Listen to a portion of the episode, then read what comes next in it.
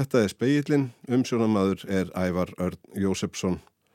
Þátturinn í dag verður helgaður atbyrðanum suðu með sjó, eldgósinu þar og afleðingum þess. Síðar í þættinum ræði ég við Magnús Stefansson, bæjarstjóra í Suðunisebæ og Benedikt Ófeksson, jarðeðlisfræðing og fagstjóra á Viðstofu Íslands. En fyrst ræðir Gunnhildur Kjærúl Birgistóttir við Víði Reynisson, sviðstjóra hjá Almannavörnum. Hjá mér er Víðir Reynisson, sviðstjóra hjá Almannavörnum. Komdu sæl Víðir. Og sæl. Við höfum auðvitað bæði verið hér síðan eldsnemma í morgun og reglulega rætt saman í fréttatímum dagsins en svo við förum aðeins yfir stöðuna uh, gósið hófst laust eftir klukkan 6 í morgun og 6 tímum síðar hafði hraun runnið yfir heitavatslögnina njarðvíkuræðina frá svartsengi til þjættbílisins á Suðunisjum og eigðilagt hana með þeim afleiðingum að um 30.000 manns eru eða verða fljótlega án húsitunar og heitsvats og vegna þessa var líst yfir neyðastígi á öllum suðunessjum. Unnið er hörðum höndum að tengingu nýlaðrar heitavatslagnar sem ætlað var að koma í stað njarðvíkuræðar ef svo færi að hún eiðilegðist. Hvernig gengur svo vinna? Það gengur bara vel eftir því sem best veit að, að hérna, smíða þann búna sem þarf til þess að tengja hana áallunin sem við vorum búin að vera að vinna eftir var að, að það væri búin að leggja hana og þannig, þannig hefðu við hana tilbúna. Og uh, þetta var spursmál bara um einhverja örfá daga að, að, hérna, að það væri fullbúið en, en með bara ótrúlegu harraði þá tókst uh, þeim sem voru að vinna við þetta að klára hana og komin hún í jörðina og núna er bara verið að vinna að tengingum og, og hérna vonandi bara setjum fartina morgun verður farið að, þrýstuprófa og, og við komum heitu vatni á hana. Það er plan A. Það verður komið heitt vatni á hana annarkvöld það er svona það er fyrsta planið en það eru nokkur önnur í, í vinslu við verðum alltaf að vera tilbúin að, að hlutinni fari ekki alveg eins og við reiknum með. Emitt Það var talað um að heita vatnsbyrðir getur ennst í 6-12 tíma færi fólk og fyrirtæki sparlega með en 3-6 tíma ef vatn væri notað eins og ekkert hefði ískorist og reyndar virtist heitavatni ansi takmarka sumstaðar strax upp úr háti veistu hvernig staðan er núna? Já, það er orðið heitavatslust í vógunum og síðan er uh, felluþrýstingur í, í kerfinu og, og, og eins og þetta með söp á keflaugulhugli er, er orðið heitavatslust og, og það má reikna með því að, að þetta verði svona fram eftir kvöldi að það smá saman mingi þrýstingurinn og einhverju tímpunkti þarf að þarf að stoppa reynsli til þess að fá ekki loftin á kerfin og, og lenda í vandræði með það þegar við komum öll í ganga aftur. Og það er það sem að uh, gerist einhvern tíma núna milli, milli 6 og minnettis en þannig að svona hverfinn fara þetta, þetta vantanlega út og, og í síðastalagi minnetti verður, verður alveg orðið hittavastlust á söðunisunum uh, Það er í kvöld, það er spráð, spáð bruna gatti á Reykjaneskaganum í nótt, allt neyri í 13 stega frost. Er ekki hægt á skemdum og húsum við þessara aðstæður? Ekki er það talið að það, það sé einhvað sem, að, sem muni gerast eh, alveg í nótt. Eh, flest hús eiga þóla það að vera án hita í einhvern ná tíma og við hefum séð samhandlum í Grindavík í, í talsverðum kulda, kuldakabla þar að hús sem að voru án hita í 2-3 daga voru, var alltaf lægi með þannig að við erum að vonast til þess að ef þetta gangi eftir að þá, þá mun ekki verða neitt varalegt tjóna þessu. Við veitum þó að menn hafa nefnt snjóðbaraslur sem að nota anfallsvatn og svo leiðis að, að það sé e, hægt á því að frjósi í, í slíku. Og síðan er það e, þetta sem við verðum að tala um að koma á ramaskendingu á að fólk noti hittablásari til að halda lámasita í húsunum og það mun hjálpa, hjálpa til við þetta líka. Og ef að fólk hefur, hefur haft tök á því í dag að loka glöggum og, og fanga hittan inni þá, þá mun það endast einhvað en það verður auðvitað það verður hrollkall í öllum húsum á, á söðuninsjónum í nótt, það er nokkuð vist um, Var ekki mögulegt eða físilegt að reyna að verja njarðvíkuræðina með varnagörðum eins og svartsengi og blálóni?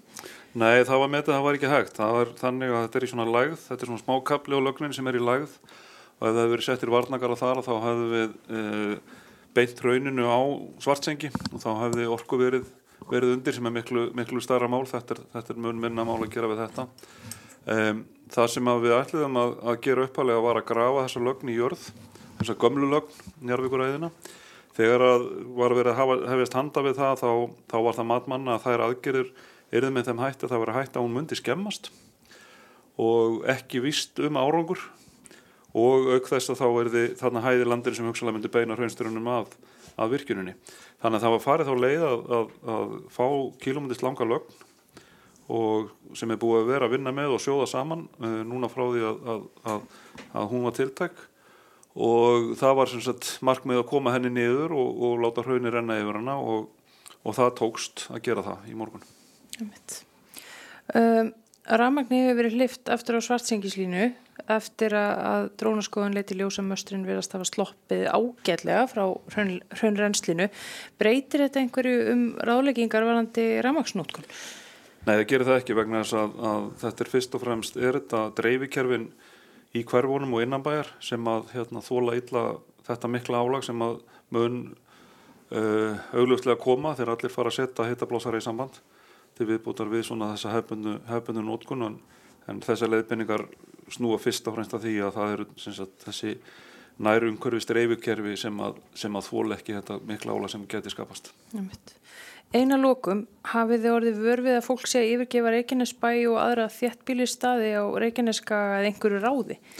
Ekkert sem hefur allan að komið inn á bór til okkar, við þetta heyrum við þetta og sjáum það bara fólk er að, fólk er að hérna, fara til vinn og ættingja og, og, og svoleiðis en en það hefur ekki verið neinn eh, neitt svona stór, stór flóktið eða neitt slíkt sem við vorum verfið.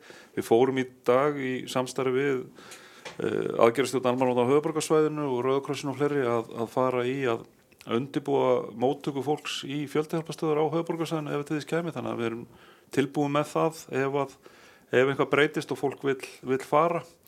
En í sjálf og sér eigum við ekki vona því að það verði minnst í nótt. Það mun þó það verði kallt í húsum í nótt þá verður það samt sem ál þannig að það verður allt í lagi held ég ef, að, ef allt gengur vel. Þannig að það sem við erum líka í þessu öllu saman höfum verið að beina því að fólk passi hvernig rafmagnir er og annað en okkur langar líka að beina fólk um að huga nágrunum sínum. Sérstaklega fólki sem kannski á erfitt með að koma sér upp eh, setja blásara að vita hvernig á tengjan eða sem eiga erfitt með að skilja leið það er leiðbyrningar sem er í gangi. Það reynir svolítið svona á samtakamáttin og, og, og hverfiskærleikin því að það sem gerist líka ef að, ef að það verður yfirlega í hverfinu þá fer allt hverfið út. Þannig að nú þurfum við að standa svolítið saman innan hvers svæðis passa hvert er búannað og, og hérna, gæta þess að þetta gangi nú allavega þanga til að við sjáum betur á morgun hvernig næstu skrif geta verið í þessu verkefni. Einmitt. Hugsa um náungan og passa upp á hvert annað núna. Takk fyrir þetta Viður Ennisson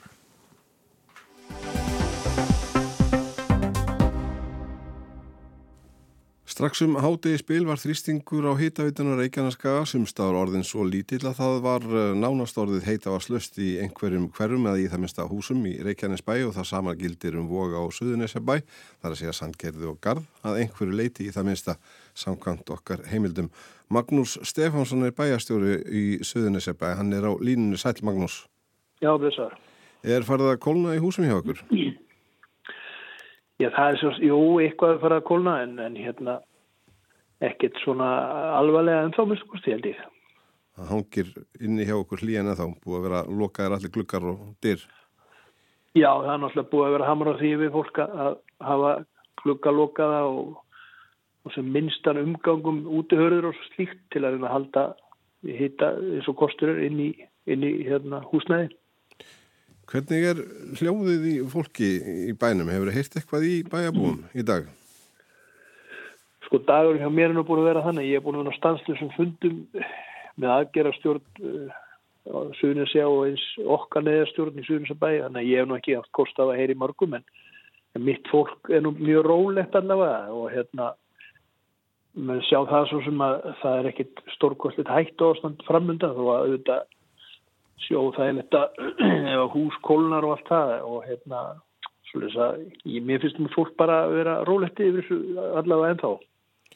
Þú ert búin að vera á fundum í allan dag en nú er talið að heita vatnið klárist bara einhvern tíman með kvöldinu og það er spáð brunagatti alveg nýri 13 stig og það skapa nú einhverja hættu á að, að skemmtir geti orðið.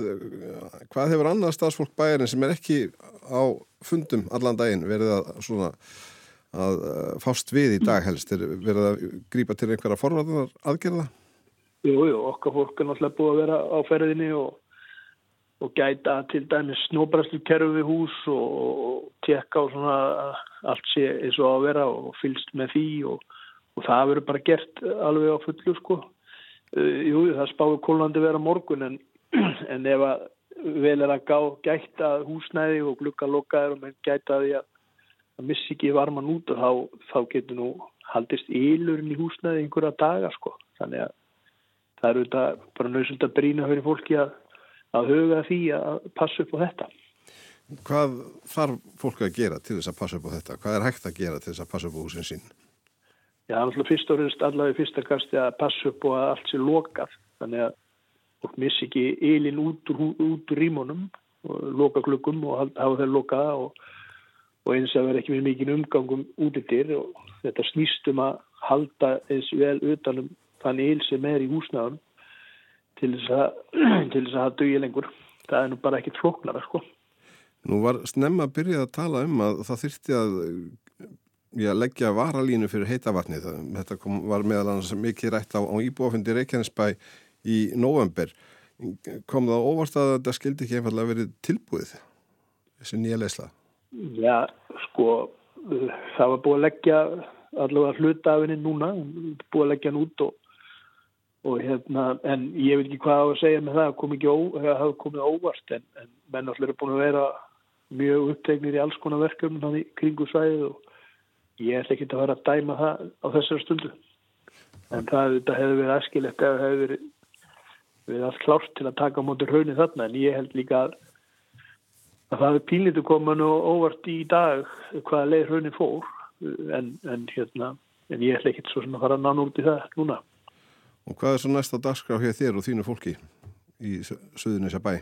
Eh, það er náttúrulega bara þetta að fylgjast með hérna, húsegnunum og hérna passu upp að hérna, halda því í horfinu og allt það. Þetta snýst úr fyrst og fyrstu það. Við ákvaðum að fella niður skólahald á morgun. Þannig að það er svona skert þjónust á starfsum í sveitafélaginu allavega á morgun. Við sjáum hvað setur. Það er nú einhvern smá jákvæðir fréttir bara á þannig að það svona gæti hugsaðlega gerst að við fáum heitt vatnin og kerfin fyrir heldur um að rótaðist. Þannig að við sjáum til að kemur ljósa morgun. Akkurat. Takk fyrir þetta Magnús. Já, sem neist takk.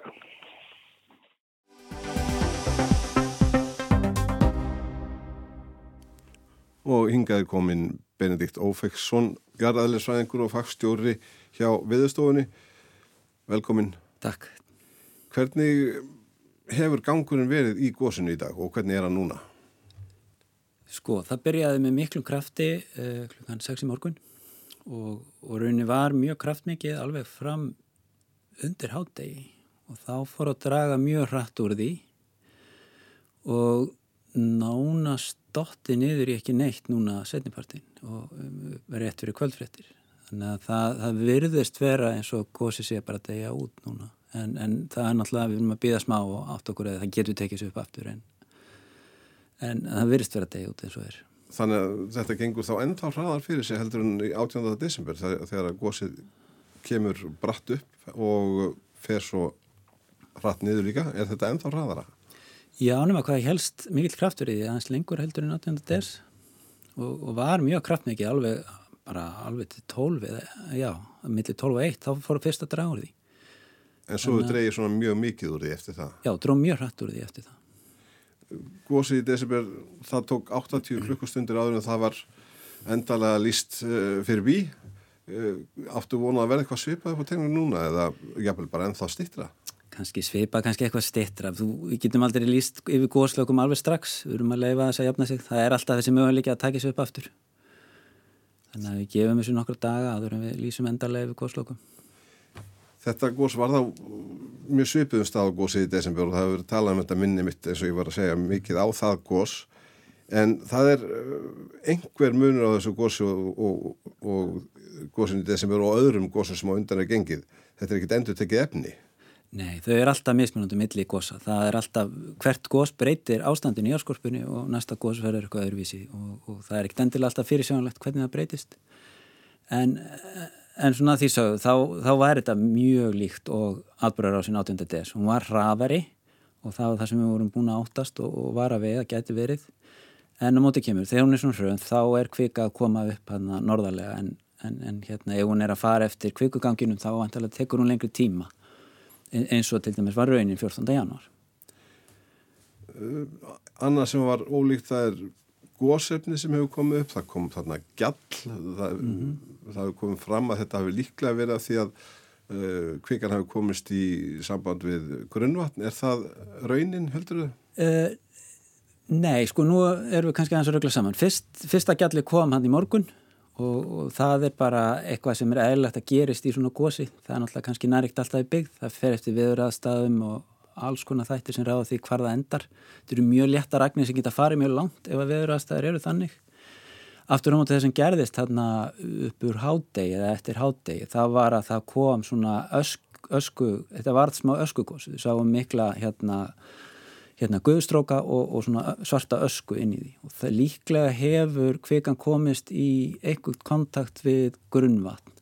Og það valdi þessum, þessum, þessum svona litla ösku, öskufalli eða öskugósi Og svo var það að tala um að þetta myndi á leirgós setnipartin, var það bara uh, líka einhver miskilningur? Já, ég held að það sé einhver miskilningur. Leirgós myndu aldrei verða nema á háetasvæðum það sem er leir, þannig er engin leir. Þannig er bara kemst kvikan í, í, í samband við grunnvatn að öllum líkindum og veldur þá smá sprengivirkni þessi leirgós verða kannski frekar á þessum háetasvæðum eins og í kröplu eða, eða ösku þessum þessi svona vítiskígar hafa myndast. Það, það er frekar þannig virknið en, en hérna þannig bara grunnvatt líklega en, en það, það er ekkit háetasvæði þannig það er náttúrulega í svartsengi en ekki, ekki, ekki þannig það sem að gósi var Þetta kemur manni svolítið óvart náttúrulega því að manni finnst þetta allt svo nálagt hvert öðru þegar þú talar um að þetta sé ekki háetasvæði Já. og þetta er bara nánast við hliðin á svartsengi. Já, það er östuðan á milli. Það er, já, já, það er alveg það er náttúrulega bara virkun hann að rétt hjá en, en svo komið þangað þá er ekki, ekki neinn einn jarðhýtti þarna. En hann er mjög staðbundin jarðhýttin Það var að koma frá okkur nýtt hættumat. Hverjar eru helstu breytingarna frá fyrramati? Þetta voru minni áttabreitinga, það breytti ekki lítakóðunum síðan í morgun. Um, við vorum uppvarðum náttúrulega hraunið þannig að við vorum með hraunið eins og var klukkan hálf eitt Eh, sem við gáttum kortlagt að gera tunglamyndum og svo breyttu við aðeins að því að kom hann að ösku, komandi sprengivirkni þá bættu við hann að öskufalli og sem svo sem kannski ekki lengur relevant eða ekki, ekki lengur í gildi þar sem að, þar sem að góðsvið nánastótti niður og svo breyttu við aðeins líkum á, á svona góðsopnun uh, eh, til hliðar við, við hérna, þar sem góðsvið opnaðist í morgun en þetta voru minni áttabreitingar Nú hafið þið dreyið ímsam lærdum af fyrri gósum og þetta er þriðja gósi á þremur mánuðum og þau hafa verið með ansið reglulegu millibili og það millibili hefur samt farið heldur minkandi með hverju gósinu. Það er 18. desember, 14. januar og svo í dag. Mm -hmm. Hvað sínist þér um framhaldið svona til lengri tímalitið? Sko, til lengri tímalitið þá er það er eftir að segja, en, en hérna til skemmri tíma, bara næstu missera mánuða, þá eru við að halda áfram líklega að sjá áframhaldandi eða endur tekinn kviku innskút og gós á meðan að það er landris í svarstengi þá getur við bara verið að gera ráð fyrir að þetta halda áfram svona. Bara með mánuða fresti? Þess vegna, eða, eða stýttra. Eða stýttra, það er ekkit annað.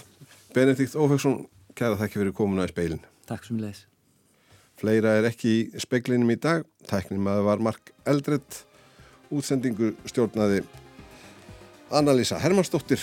Verið sæl.